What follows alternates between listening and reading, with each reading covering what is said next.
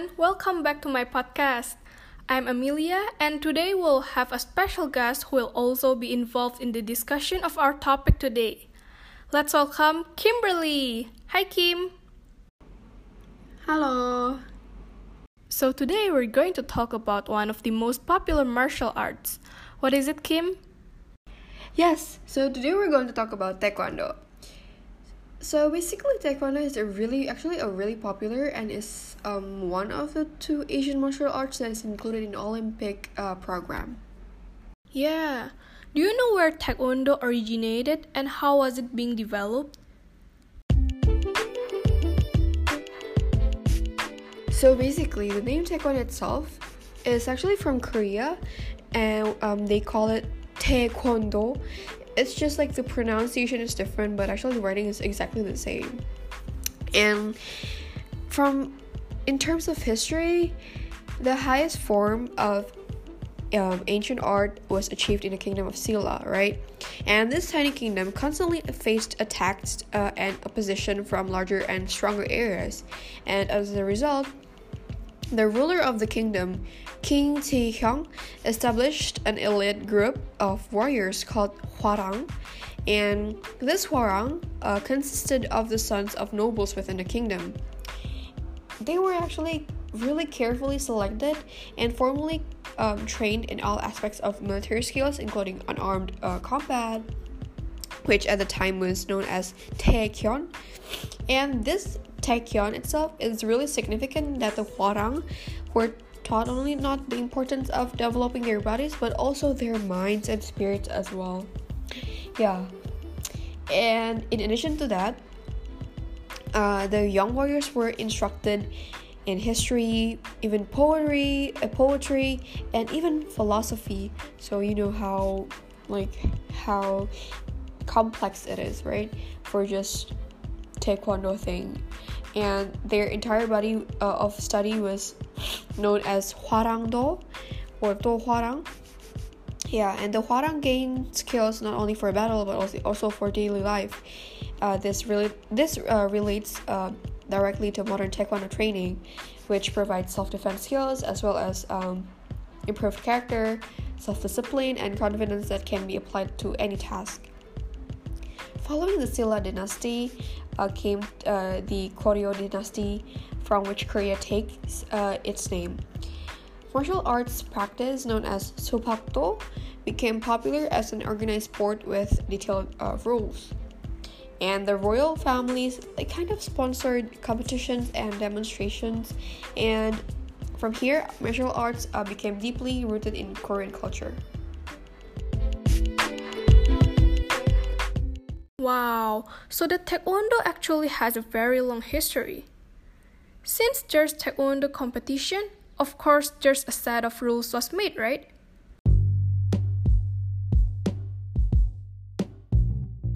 Oh yes, of course. There are a lot of rules actually. Uh, for Taekwondo's uh, fairness sake, um, all competitors should only be competed with the same sex and weight category and a match is contested over 3 times 2 minute rounds with a set of 1 minute between. And each contestant attempts to knock out their opponent by landing on their blows on the opponent's torso, right here, or until the head. Kicks are actually allowed uh, to both uh, to the torso or head, while punching while punches are only allowed mm, to the body. And below the waist, uh, right here until here is not permitted uh, target. And if a fighter and their coach think that his point has been missed, or there's like such a, or there's like some uh, mistake, they they can make a protest actually. Then a video replay will be looked again by the judges, and uh, then they will make the decision uh, about that protest. For in terms of winning, the match is won by the fighter who knocks their opponent out or who has a greater number of points at the end of the those uh, three rounds. But if the match is a draw, then a golden point round uh, will be, um, you know, will be fought again, with the fighter with the fighter landing in the first scoring point being declared as the winner. Oh, that sounds interesting. But how can the fighters lose points during the competition? Well, there are a lot of uh, ways that fighters can lose points uh, by the way of penalties. Um, like, for example, punching in the face, you know, attacking with a knee, attacking below the waist, stepping out of the ring with both feet, um, turning your turning back on your opponent, pushing, you know, even holding or grabbing your opponent, or even like finding injury. So there are actually a lot of ways um, competitors or even opponents can lose their points. That's a lot actually. I don't think that I might remember all those rules and regulations even though I do taekwondo. Right. Speaking of rules and regulations, are there any like techniques or movements in particular? Oh, of course. And that's another a lot actually. So, there are different types of stances. It might be long if I list everything down and I'll just like give you some types that are uh, popular. First, there's this uh, attention stances or taryutsogi in Korean. This is where your arms are slightly bent at one side and hands are and fist. Uh, legs must be straight and feet must be together. And also there are a lot of other stances, like for example, uh, closed stance, a ready, short, long back tiger, and I think you can like imagine uh, those stances from the name itself, like closed stance, tiger stance. You know, like you just you need to imagine um, the visualization. And other than stances, there are also, um, you know, hand attacks or even kicks or tagi. And below kicks, there are branches of kicks, like for example, front, side, turning back, hook, you know, huryotagi, apoligi, pandotagi, tui yuptagi, tagi. There are a lot of kicks. Also, there are blocks or maki, patterns, breaking. There are a lot of techniques actually, but if I explain everything, it will it will be really long, right? Right, cool. I think I talk a lot, isn't it? Right, by the way, here I'm I'm wondering, and I want to ask you something. In your opinion, how to actually improve, you know, your performance on taekwondo? Just a brief um, explanation of upon your opinion. I'm just curious about it. I think for me, kicking is one of the most important techniques in taekwondo, especially during breaking. Accuracy is very important as it can have a very different result. The best way to improve accuracy is to practice kicking at small objects such as a tennis ball which is tied to a string and is hanging in the air. This might be very challenging as the area of the tennis ball is much smaller compared to the usual target area. However, people will find it helpful. Moreover, this practice can also train our reactions as the objects will keep moving after being kicked. Besides practicing accuracy, power and speed are also important. To improve on your power, you should do squats and jumps as it could help to build up muscles in your thighs. As the match only lasts a short 2 minutes, to kick faster will be the advantages during the match. One of the good ways to improve your kicking speed is to get into the habit of planning for more than one kick in an attack. Another tip to have a faster kick is to relax before striking.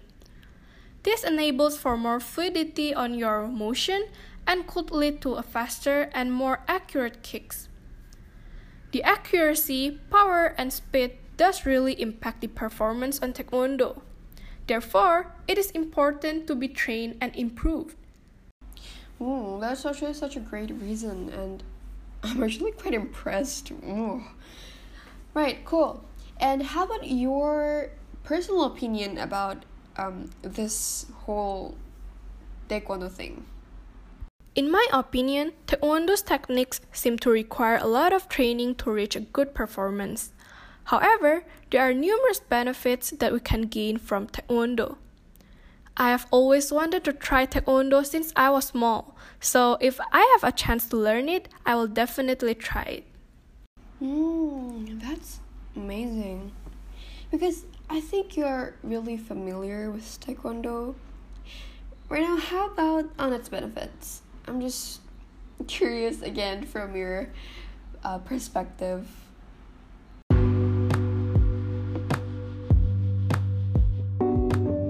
Of course, martial arts provide us a lot of benefits. First, it improves our blood pressure as doing repetitive movements can behave like high intensity interval training. Thus, this will improve our cardiovascular strength, slowing down our resting heart rate and lowering our blood pressure. Practicing martial arts can also increase our mobility to make our bodies move faster and more efficiently, as well as improving our flexibility. Moreover, martial arts such as taekwondo it requires a lot of strength to apply its techniques. These kicks, punch can increase our body strength, which could also improve the musculature of our whole body. According to studies, exercise can help improve our mental health. Martial arts does help to relieve stress and help us focus more on our task at hand. To conclude, it is a great idea to start practicing martial arts. Right, that's actually really good. I think you might know more about martial arts in particular, Taekwondo, than me, because, you know, Okay, get back to you, Emil. That's fine. By the way, we're running out of time and sadly we have to end the podcast right here. Thank you so much, Kim, for your presence, and I do really appreciate it. No, no, no, it's it's cool. I should thank you. Okay then. Bye guys. See you on the next podcast. Bye. Bye.